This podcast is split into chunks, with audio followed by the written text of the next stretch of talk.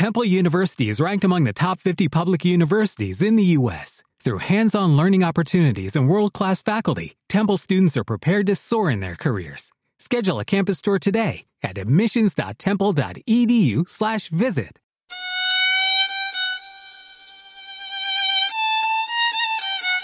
Rotacions 2.0, el podcast cultural en català.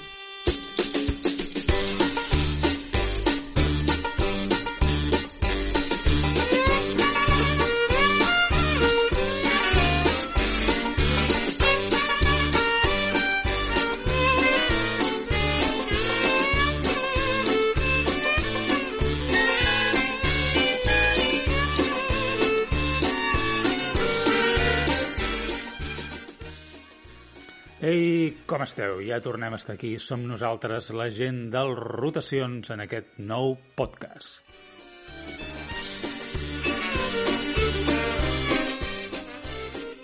Un programa que avui, i com sempre, desitgem que us agradi. Tenim amb nosaltres de convidat el Cristian Aloi, músic i productor musical que ens ve a parlar del seu nou projecte Mírtils. Tindrem, com sempre, el Marc Adirat, que ens vindrà a parlar... Avui és un programa molt musical, eh? també ens vindrà a parlar de música, d'un concert que ha anat, i jo a la part final també us parlaré de música, en aquest cas de música clàssica, i de certes curiositats que hi ha en aquest món. Tot això, ara mateix, als Rotacions.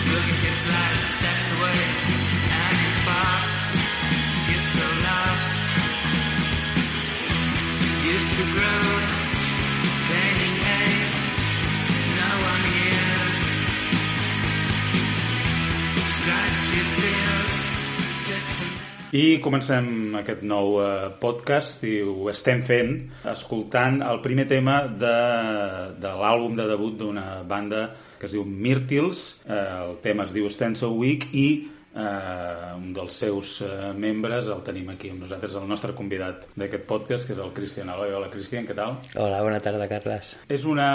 Comencem primer per tu. Entenc que tu et consideres a tu mateix músic, és la teva feina? Sí, bueno, feina... Sí, tampoc és que guanyi molts diners. Mm -hmm. a vegades en perdem i tot. Mm, soc semiprofessional. Val. Però sí, la música és una passió.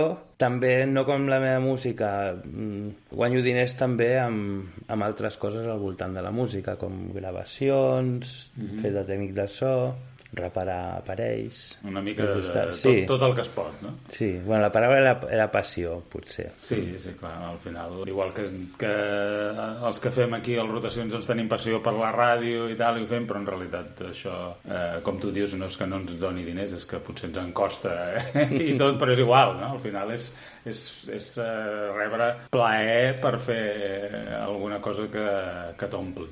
I tant, molt important això. Aleshores, Mirtils és una banda, diguéssim, nova, però que en el mateix eh, full de, de premsa que vosaltres eh, heu distribuït diu que surt de les cendres encara fumejants de Songstorm, mm. que és potser la banda amb la que has estat més anys, eh, diguéssim, sent l'abanderat o sent eh, l'alma mater. Sí, sí, sí, el projecte vaig començar a finals dels 90 i hem fet Mirtils, som els mateixos, que estem a Songstorm, mm -hmm però com un segon projecte perquè hi ha cançons, algunes són dels anys 90, que no estaven ni acabades, que no...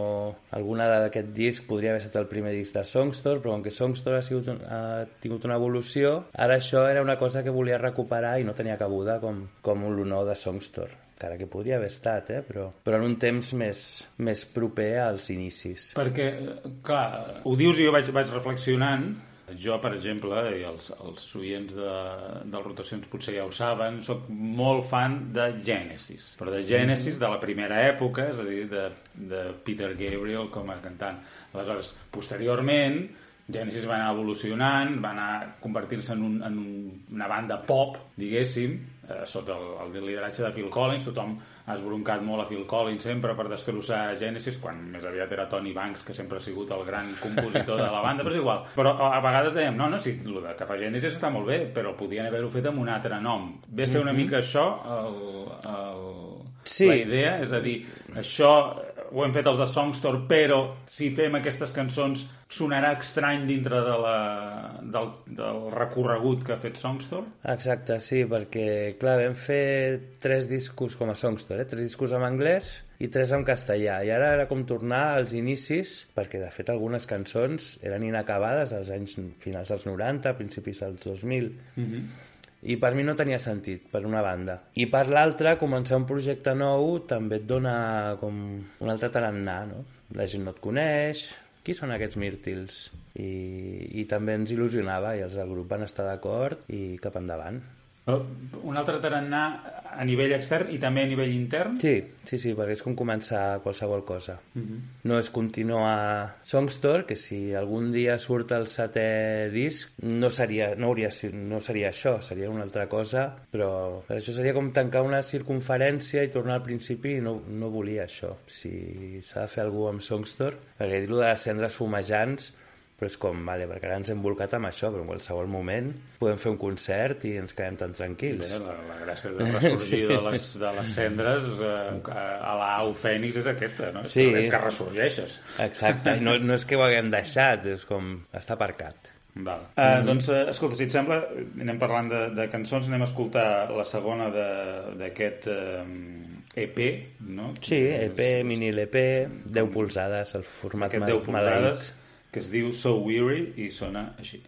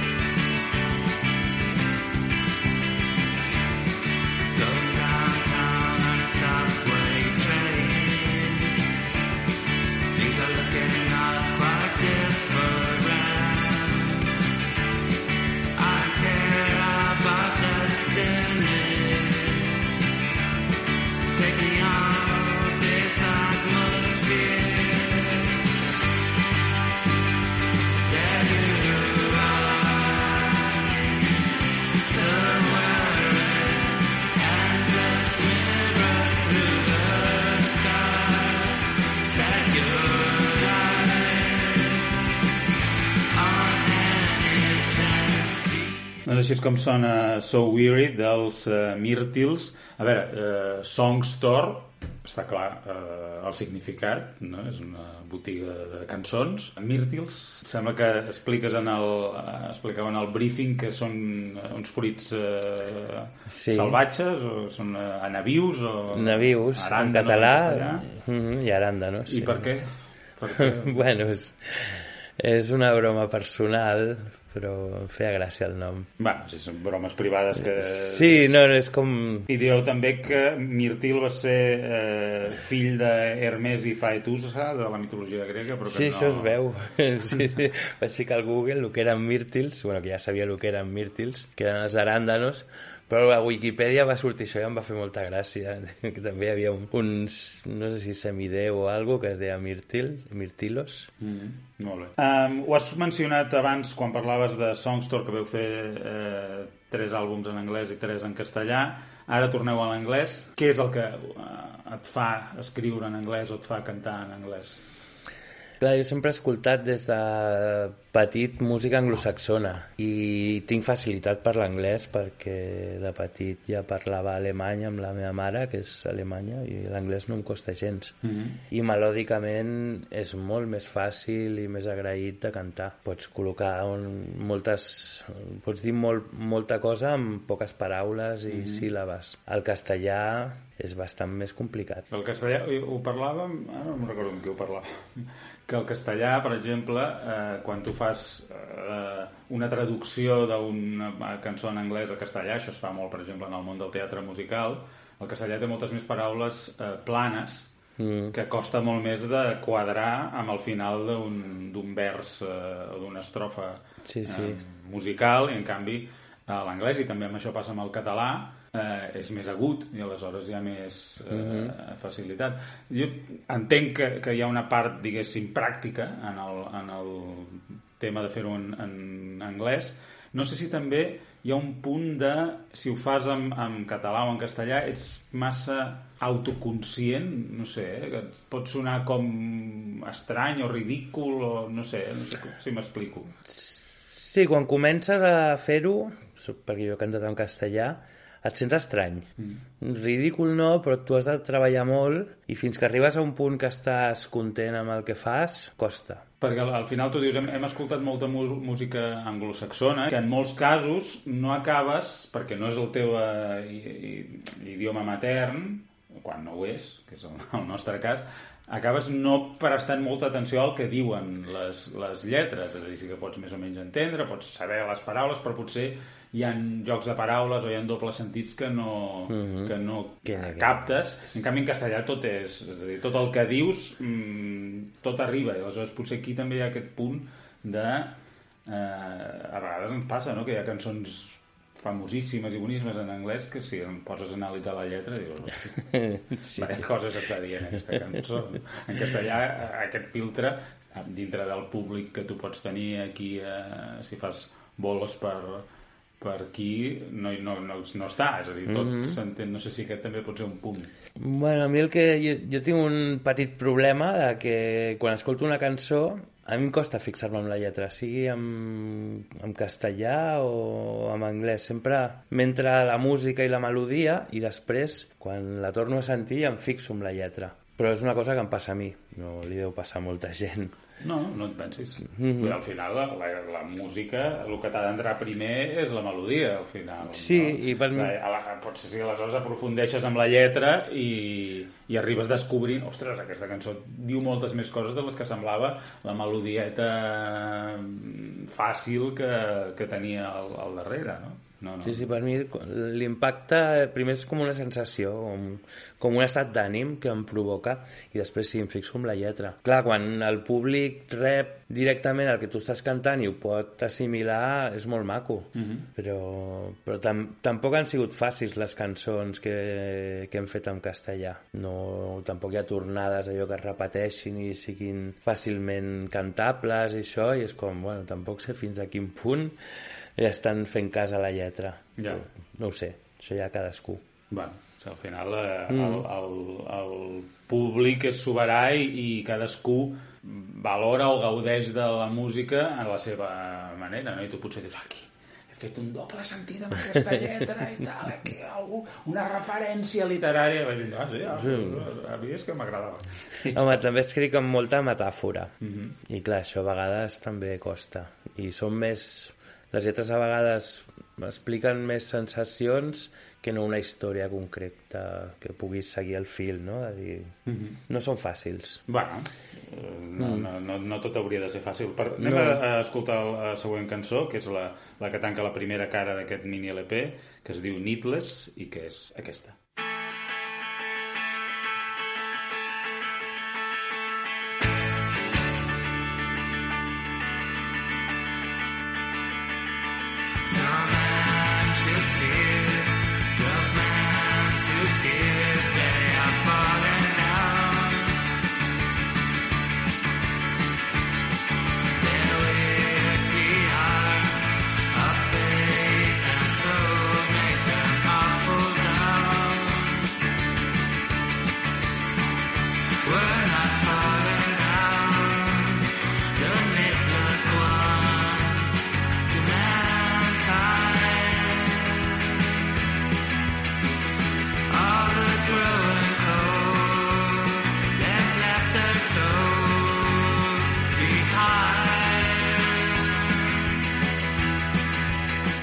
Així és com sona Needless, eh, aquí estem escoltant, eh, evidentment, a la banda al complet, que té a tu com a frontman, no? cantant mm -hmm. i, i guitarrista, i qui més eh, són els membres de Myrtils? Després també està el Bruno, que és baixista, mm -hmm. que ja el conec des de fa molts anys i també estava als principis de Songstore.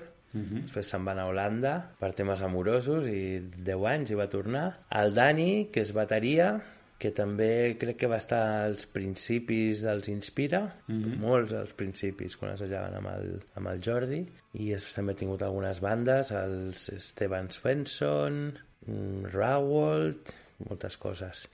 I ara també tenim la última incorporació de fa ja abans de la pandèmia, l'Albert Rodríguez, que és un talent nat, molt jovenet, és guitarra també, uh mhm. -huh. i fa coros, i té també altres projectes, que un és Rodríguez Rodríguez, ha tocat amb Sunny Girls, i la veritat és que ens ha complementat molt bé de quan se'ns va anar l'anterior guitarrista. Que jo sempre, fins fa 8 anys o així, sempre havíem sigut trio, amb Songstore també. Mhm. -huh. Però vam tenir una incorporació d'un guitarra, el Sergi, però va marxar, i des de llavors som quatre. Molt bé.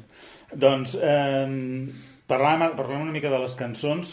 No, entenc que tu ets el compositor principal o únic o com funciona això a nivell de banda? Sí, mm, a Myrtils ja són cançons moltes, in, alguna inacabada d'alguna època, alguna altra que hem rescatat, però sí que alguna cosa ha sortit Sobretot amb Songstore, els dos últims discos, ha sortit d'improvisacions assajant. Després mm. els he donat forma i he escrit la lletra, però aquelles sí que havien sortit de, de coses que hem fet sense pensar. Bueno, mira, que sí, que estava molt bé. Però sí, aquestes cançons ja, eren, ja venien mig fetes i al local d'assaig els hem acabat de donar la forma. Alguns detalls d'estructura que han aportat els altres membres... Mm -hmm. Mm -hmm. I arranjaments també són teus, en general? O es fan, no, es fan en el, sí, els, en el moment d'incorporar els músics? Sí, sí, els músics, jo toco els acords i ho decidim, els arranjaments ho fem assajant. Molt bé.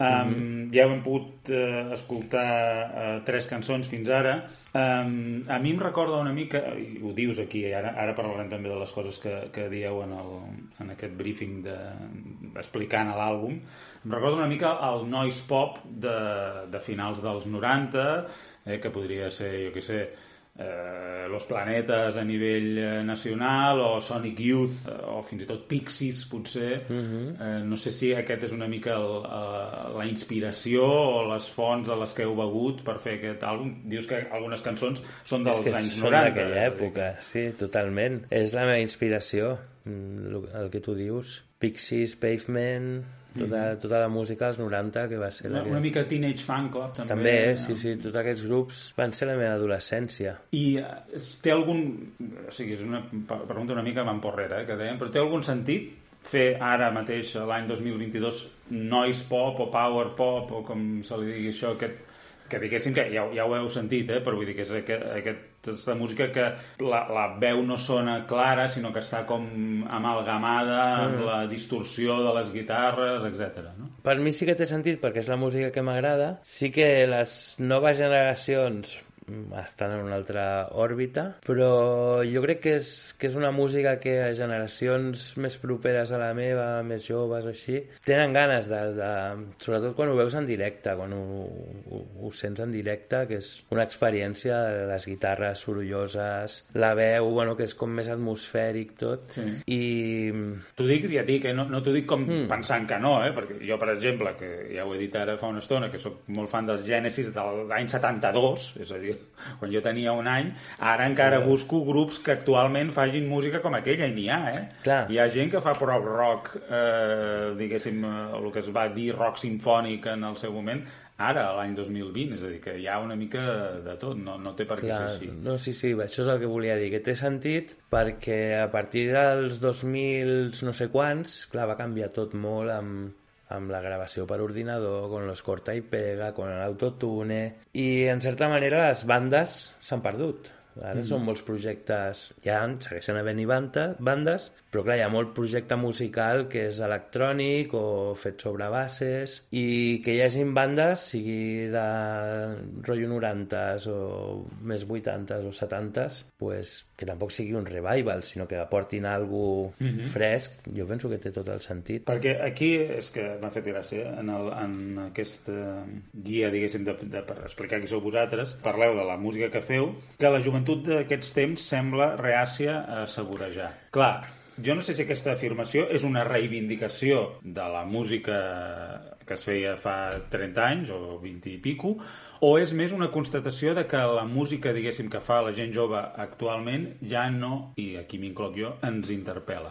Mm -hmm. Sí, jo crec que aquesta segona. Sigui, vas a una discoteca Bueno, jo que treballo de tècnic de so, quan obren la discoteca, ve la gent a la cabina del DJ i és... Me pones reggaeton? Me pones reggaeton? Me pones reggaeton? I és com, tia, a mi si ara em fiquen Highway to Hell de CDC, començo a saltar com un boig aquí, saps?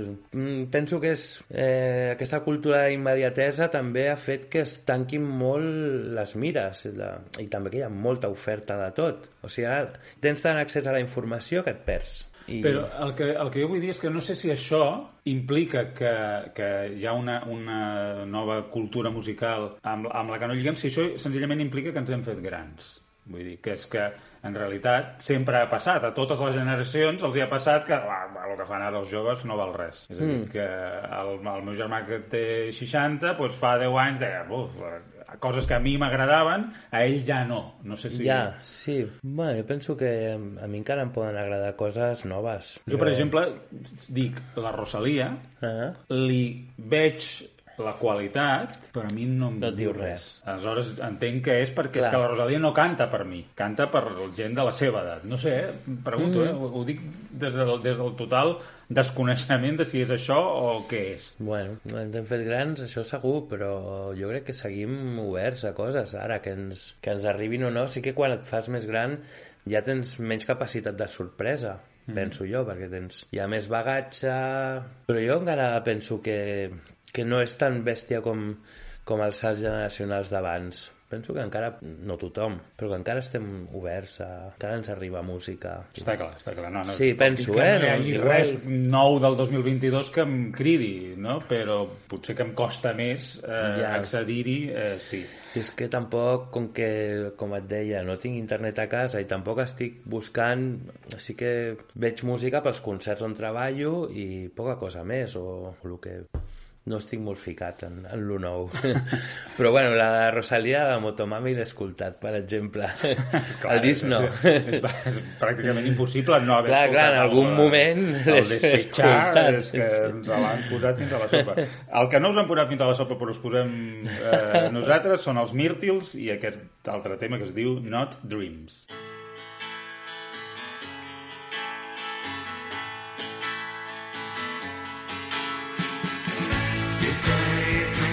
have notion As if I stood in front of the ocean If I close my eyes too long Would that dream be gone? Would that dream be gone?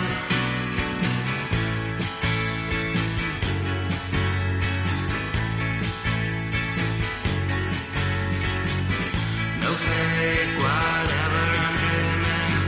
Some sleeping pills close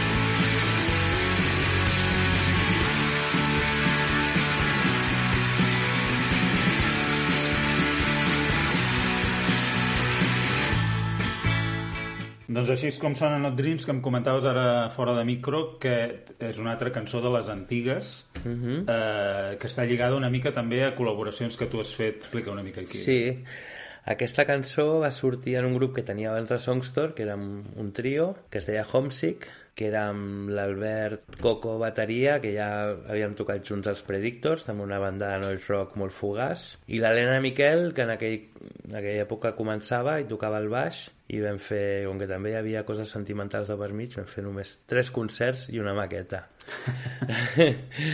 I... Elena Miquel, que és Eh, les flores azules, de Va. De La Fe. va, la part de les flores azules. De... Exacte. De De La Fe, que era Oscar Danielo, amb qui també havia coincidit amb Mishima, i amb Facto, que era el que feia les bases al principi, que també havia sigut bateria de Songstore en una època, i amb ells, amb Facto, De La Fe i les Flores Azules, sí que vaig col·laborar posant alguna guitarra en un dels temes del primer disc, que era El mar, el poder del mar, crec. Mhm. I, i, I has parlat també de Mishima, amb qui també vas Ahà. col·laborar al principi de... Sí, amb Mishima vam fer un segell, que és on va sortir el primer disc de Songstore, el primer de Mishima i el primer de Felicidad Plan, un altre projecte. Jo els vaig gravar amb un 8 pistes de cinta el primer disc de Mishima, que era cantat en anglès, i vaig estar tocant amb ells la guitarra un any o dos i també produint els següents discos, ja no en el meu estudi, sinó externament, però seguia lligat amb ells, fins que vam ja els, ells van fitxar per Dismedi, jo vaig estar també lligat amb Foen, amb, els, amb el segon disc de Songstore, i llavors allà vam partir peres. Va. Per tant, el que podem dir és que ara ho estem gravant avui que és eh, 13 de novembre. Peter Gabriel ha anunciat que està a punt de treure un disc de cançons noves per primer cop en 20 anys. Hosti. Eh, gairebé es pot parlar igual de vosaltres. Sí, sí, perquè- Hi ha cançons que s'estan coent des de fa més I de 20 tant. anys, és a dir, que tu has pensat, vaja, abans de, de dir, vale, Sí. ja està, la cançó està acabada i ja la puc Bueno, hi ha eh, moments, ensenyar. mm, hi ha cançons que podrien haver-se acabat en aquell moment, però no era el moment, mira. Not Dreams, per exemple, sí que estava acabada. Mhm. És més recuperar aquelles cançons de la maqueta que en el seu moment va tenir un, una bona acollida en l'indi barceloní al- a, principis dels 90. Mhm. Clar, això ja estem parlant de 30 anys. I Mishima i el primer disc de Songstore ja tenen més de 20 anys. Sí, sí, déu-n'hi-do. Sí, sí. Però bueno, Ens quan grans tots.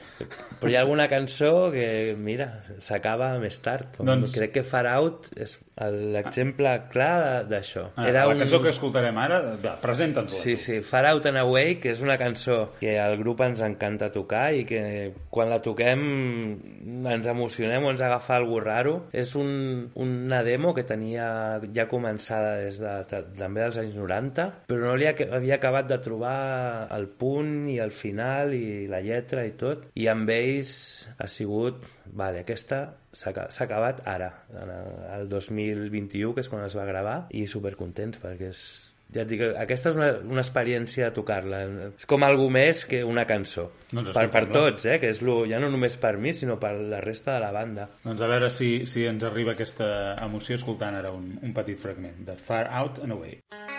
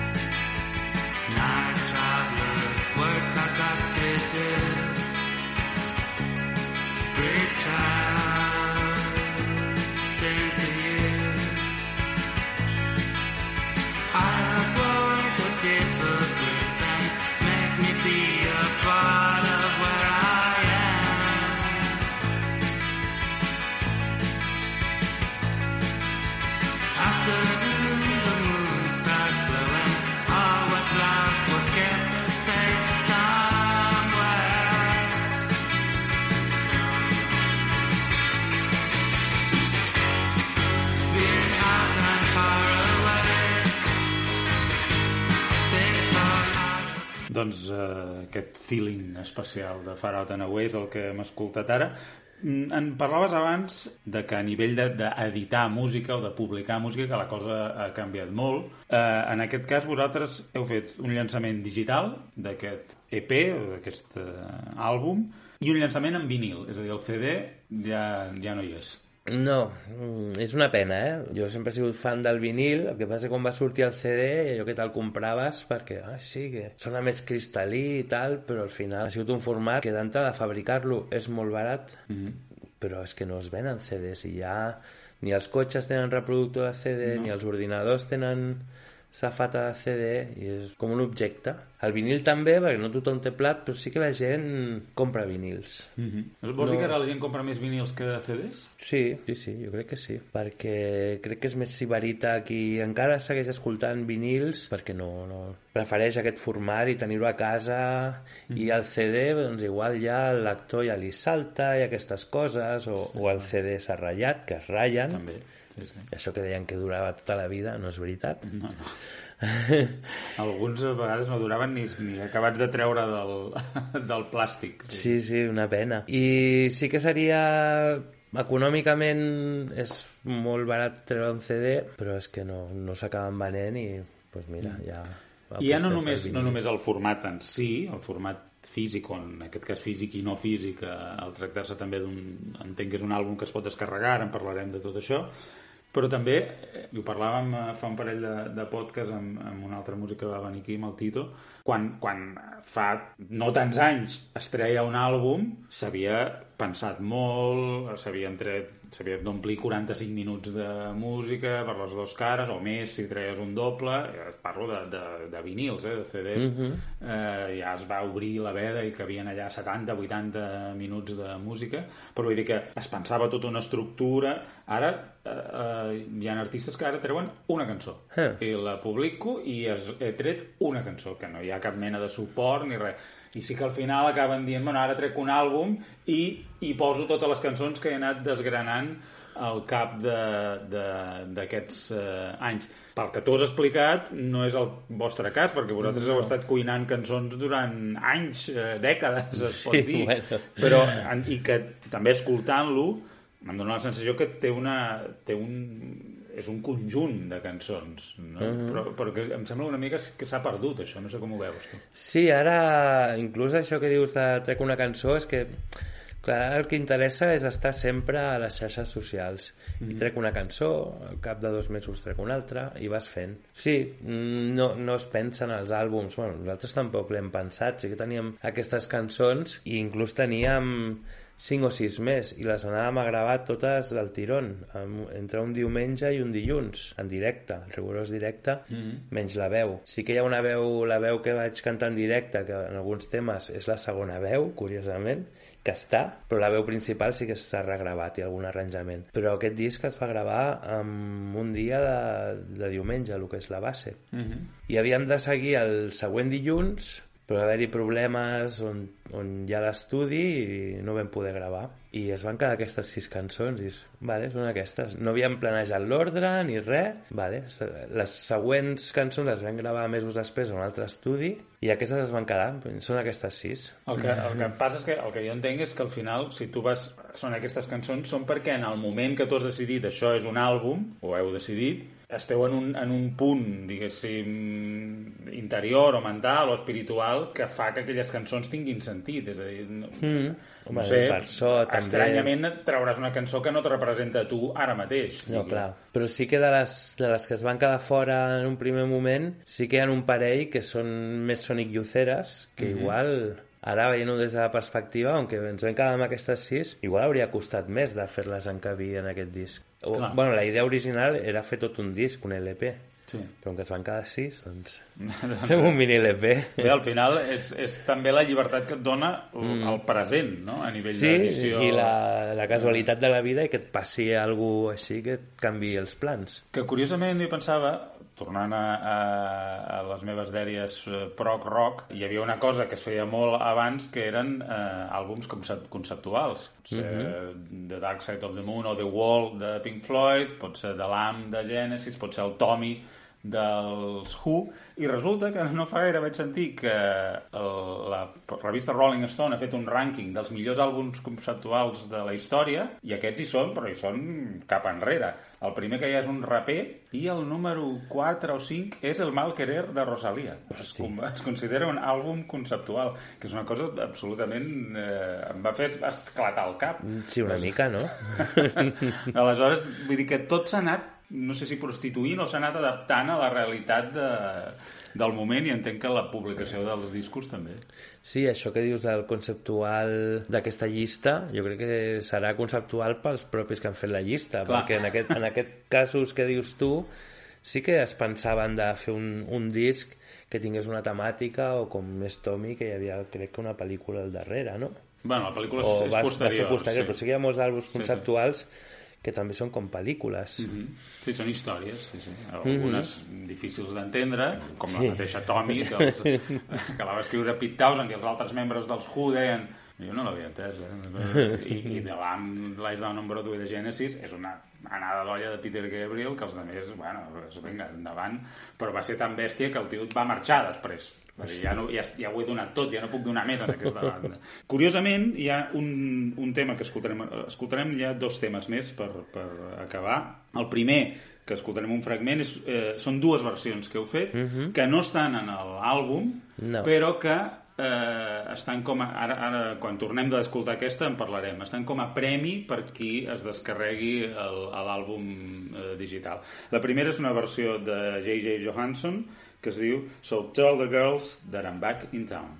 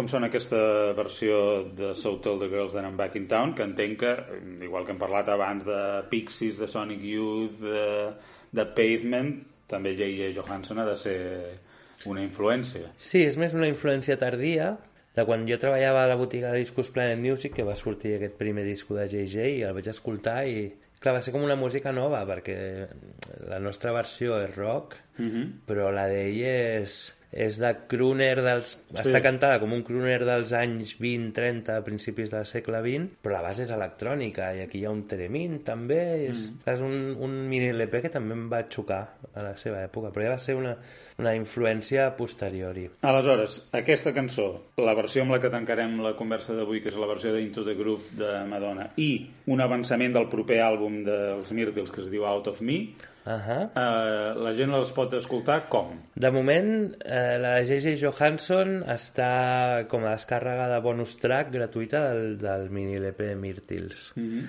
Les altres encara no estan publicades. Intentarem, si no ens demanen molta pasta i fem el segon vinil, les inclourem en el vinil, però com que igual ens demanen pasta per Ah, incloure-les... per, uh, per, de drets d'autoria. Val, val, val. Doncs la de Madonna serà com regal de descàrrega en el segon disc. Ah, molt bé. De fet, això, si ens escolten els de Bandcamp, de fet al Bandcamp no pots penjar versions. Però bueno, està com un bonus track i és gratuït, no guanyen Va, no, diners. no posem a Bandcamp a les mencions de, de, de les publicacions que fem i ja està. Va, seria mala sort que ens Però escoltessin bueno. els de Bandcamp.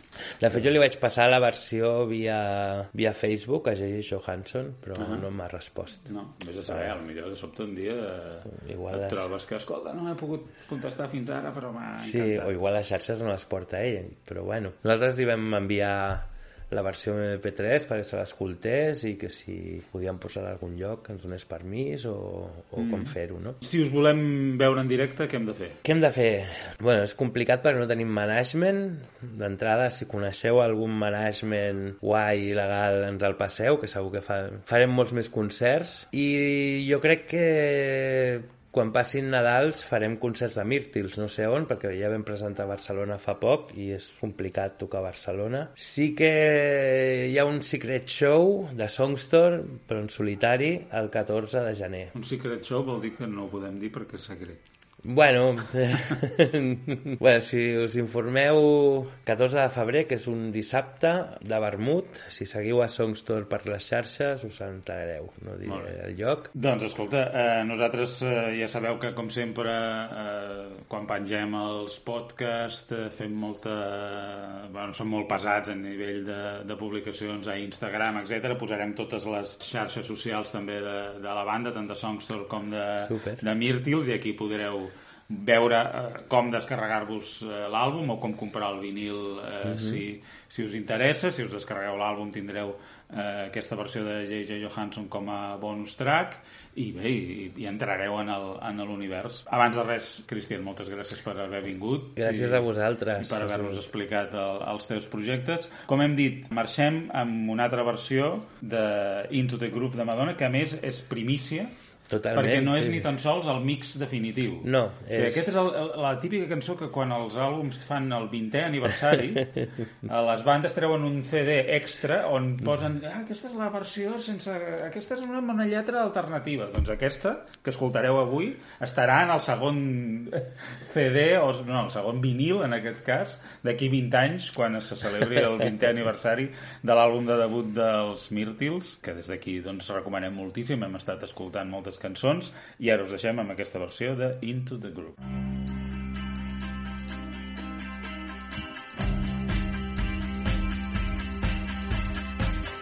Get into the groove, girl. You've got to prove your love to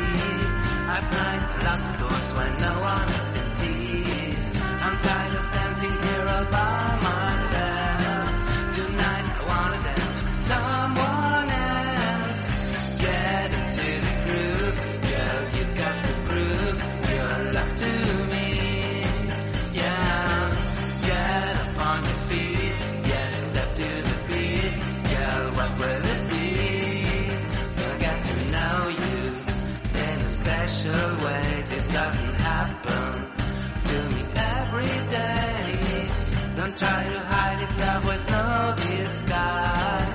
I see the fire burning in your eyes. Only when I'm dancing can I feel this free. At night, lock doors when no one else can see.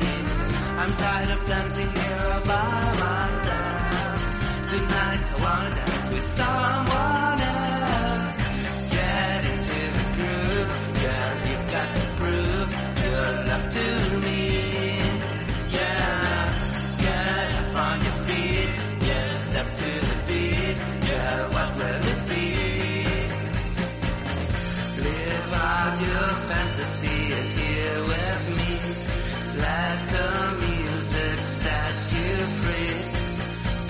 my body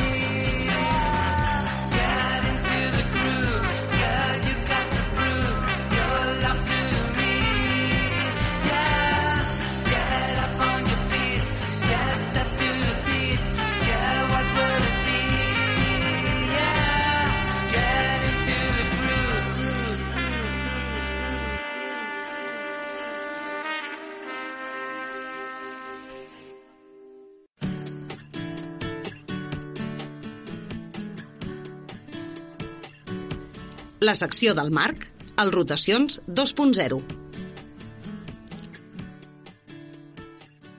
I com sempre ja és amb nosaltres el Marc Cadirat. Hola, Marc. Hola, què tal? Molt bé, i tu? Molt bé, també. De què ens vols parlar avui, Marc? Avui us vull parlar d'Antònia Font. Vas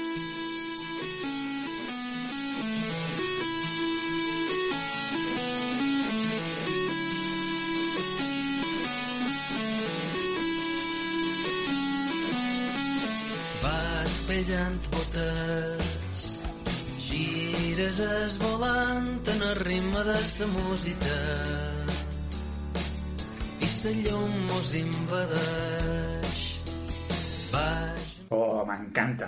Endavant. Antònia Font és un grup de música mallorquí, fundat el 1997. Fan un pop festiu amb unes lletres a vegades estranyes que parlen de robots, astronautes, l'espai i ovnis, però també de coses molt més properes, com la gent dels pobles de Mallorca o els animals. Fins i tot, molts cops mesclen les dues temàtiques en una mateixa cançó. És veritat? Els membres de la banda són els germans Pere i Pau de Bon. El segon és el cantant, en Jaume Manresa, el Joan Roca i el Joan Miquel Oliver, que a més de ser el guitarrista del grup, és el compositor de les cançons. I no hi ha cap Antònia ni ningú que es digui Font al grup? Bé, no. Precisament hi ha hagut moltes versions i llegendes sobre l'origen del nom del grup. Sembla que la realitat és que Antònia Font era una companya d'universitat, que quan pensaven el nom pel grup els va fer gràcia tenir un nom de dona, ja que ells eren tot homes, i que el més sonor dels noms de les companyes de la facultat era Antònia Font. Deu ser la més famosa del seu barri, aquesta noia. Potser. I tenen molts discos, els Antònia Font? Tenen un total de 8 discos d'estudi, més un de versions de les seves cançons, interpretades amb la Bratislava Symphony Orchestra. El primer es va dir Antònia Font i el segon a Rússia, amb el tercer Alegria, de l'any 2002. Va arribar la popularitat de la banda. És que és un disc magnífic. És veritat. Posteriorment van publicar Taxi i Batiscafo, Catiuscas. Aleshores, el disc amb l'orquestra que he comentat, que es diu Coser i Cantar. L'any 2011 van publicar Lamparetes i l'any següent Vostè és aquí, un disc de 40 cançons molt curtes. I aleshores va arribar la notícia, el 2013. Van anunciar que es separaven. Sunshine in yellow, vent saharaui, dins es mearin el sol. No me das miedo, Carmen Consuelo, els dromedaris a Liverpool. Dàtils, piscines, té pastes fines, butterflies singing my song. Quiero sangria. Ai, sí, eh? quin disgust. Bé, jo no em vaig enterar, i tenia només 3 anys. No, no, el seu disgust va ser tot meu. Doncs aleshores et devies alegrar quan a principis d'aquest any 2022 van anunciar que traurien un disc nou i que farien concerts. I tant, que em vaig alegrar. Doncs això, al març de 2022 van publicar un minut estroboscòpica, el seu primer disc en 10 anys, i van anunciar que farien 4 concerts. I jo vaig poder anar al darrer que han fet, el passat 15 d'octubre, al Palau Sant Jordi de Barcelona. I què tal va ser el concert? Va ser xulíssim.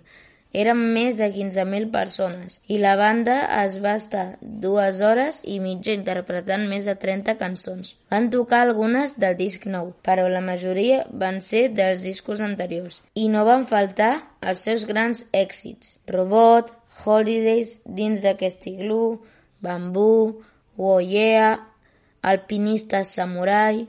I alegria? Esclar, alegria, la meva preferida i la que escoltarem sencera.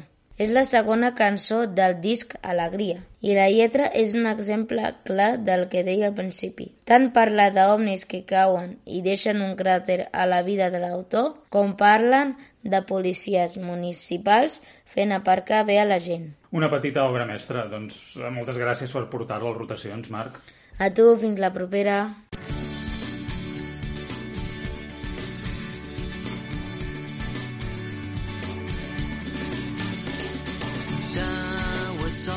hora baixa, dins l'horitzó, damunt la mar rissada, els avions.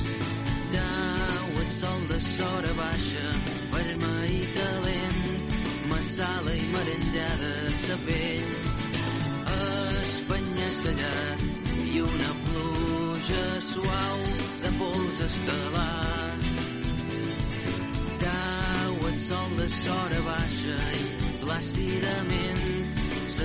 la gent se dutxa i omple els carrers. Cau el sol de sora baixa dins el meu cor. Tothom m'estima i jo estim tothom. Falla sa corrent, ses fileres no vendran cacauet.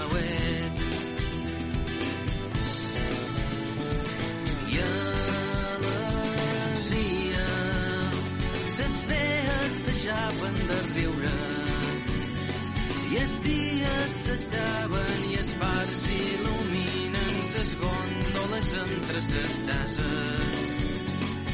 I alegria, ses òrbites en sincronia i els ovnis s'apinyen i deixen un cràter per sempre dins la meva vida. I alegria.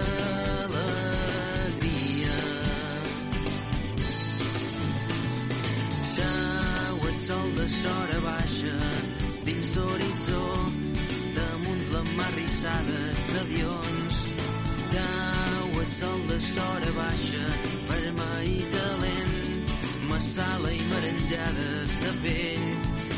Els municipals, és evident, van apartar bé sa gent. I alegria,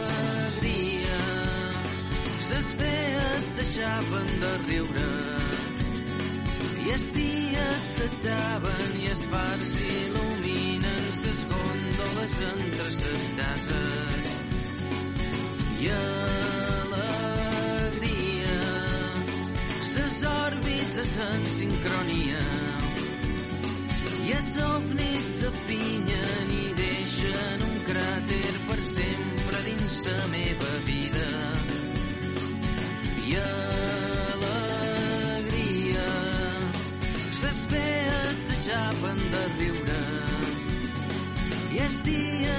s'acaben i els fars il·luminen ses gòndoles entre ses tases.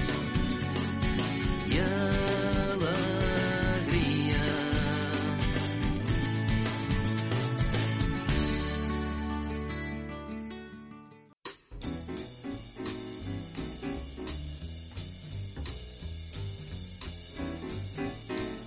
Rotacions 2.0 amb Carles Cadirat.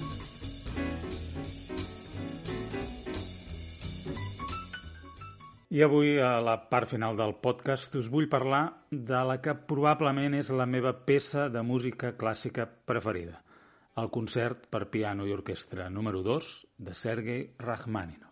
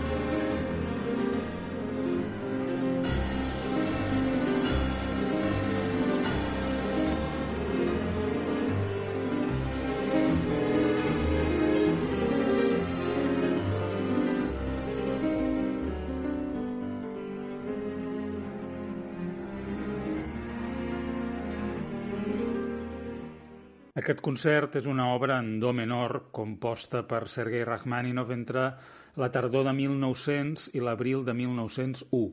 En realitat, el fet de que sigui de les meves obres preferides no és molt original, és dels treballs més reconeguts de Rachmaninoff i un dels concerts més interpretats arreu del món.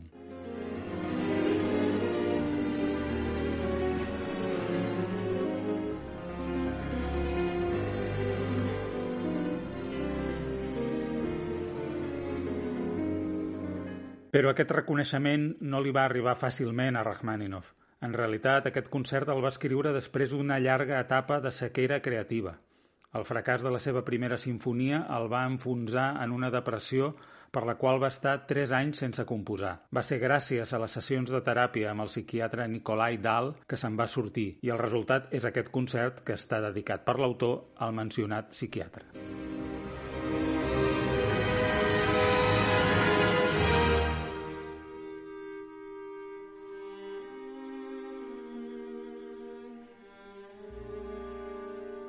El concert, evidentment com tots els concerts, consta de tres moviments.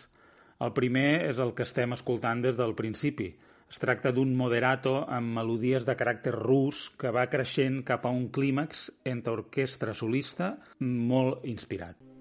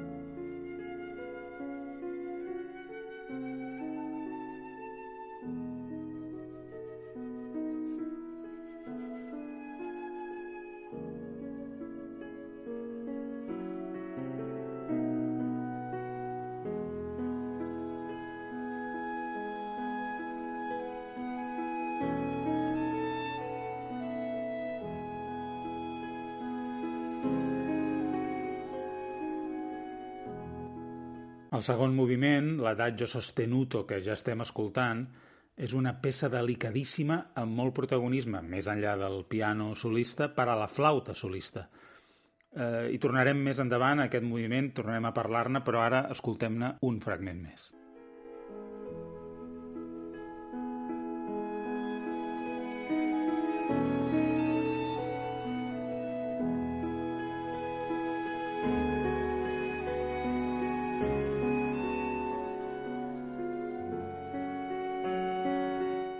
El tercer moviment, en canvi, un allegro scherzando, dona el colofó perfecte a aquesta obra mestra, en un diàleg molt viu entre solista i orquestra, amb un segon tema que per mi sempre ha tingut reminiscències orientals, gens llunyanes de la tradició de la cultura russa.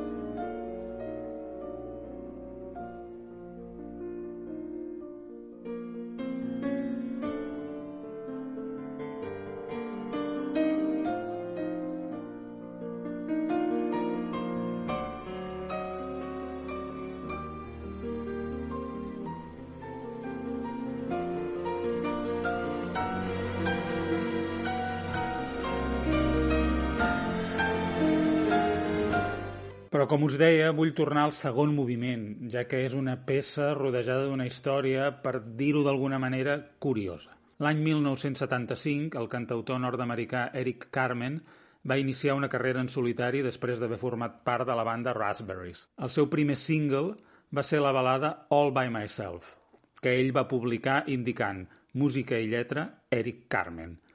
Bé, escoltem aquesta conegudíssima cançó.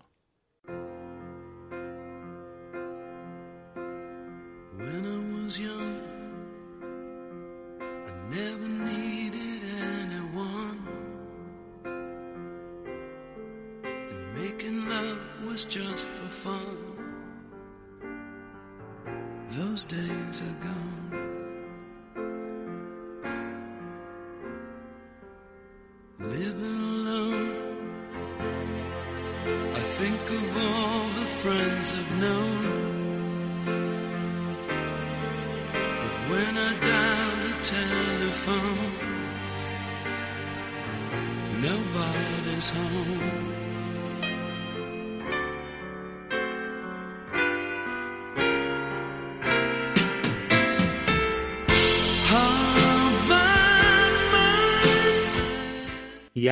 Tornem a escoltar el segon moviment del concert de Rachmaninoff.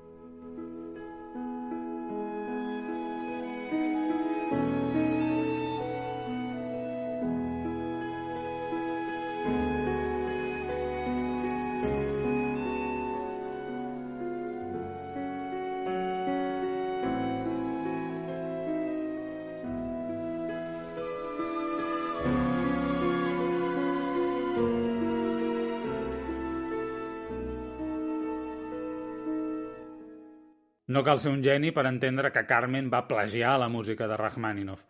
Com no podia ser d'una altra manera, i menys amb un single que és mundialment conegut, els hereus de Rachmaninoff van reclamar l'autoria de la música i van arribar a un acord, no només econòmic, sinó que obligava a Eric Carmen a compartir l'autoria en els crèdits de la cançó.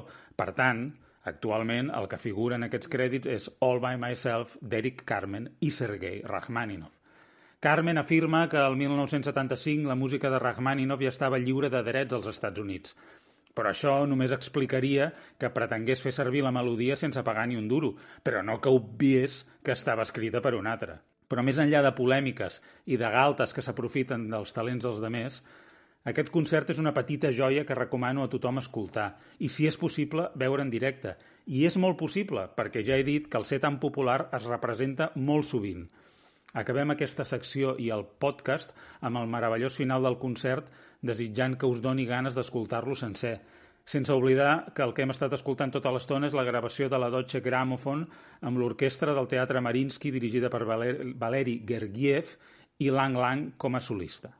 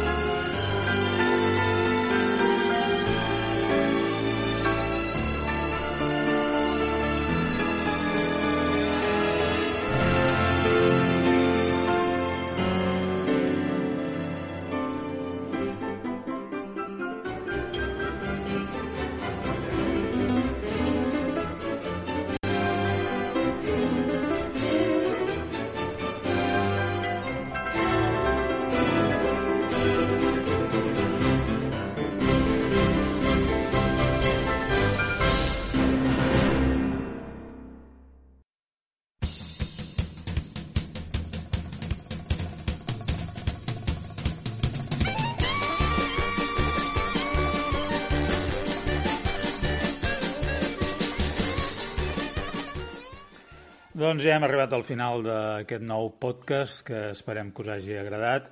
Hem tingut una interessantíssima conversa amb el Christian Aloy, que ens ha presentat el seu nou projecte Myrtils, el Marc ens ha parlat dels Antònia Font i del concert, i jo que us he eh, explicat eh, un dels meus concerts de clàssics favorits i, a més, l'anècdota amb el Galtes d'Eric Carmen. Tot això en aquest eh, Rotacions que esperem que us hagi agradat i fins la propera. Adeu!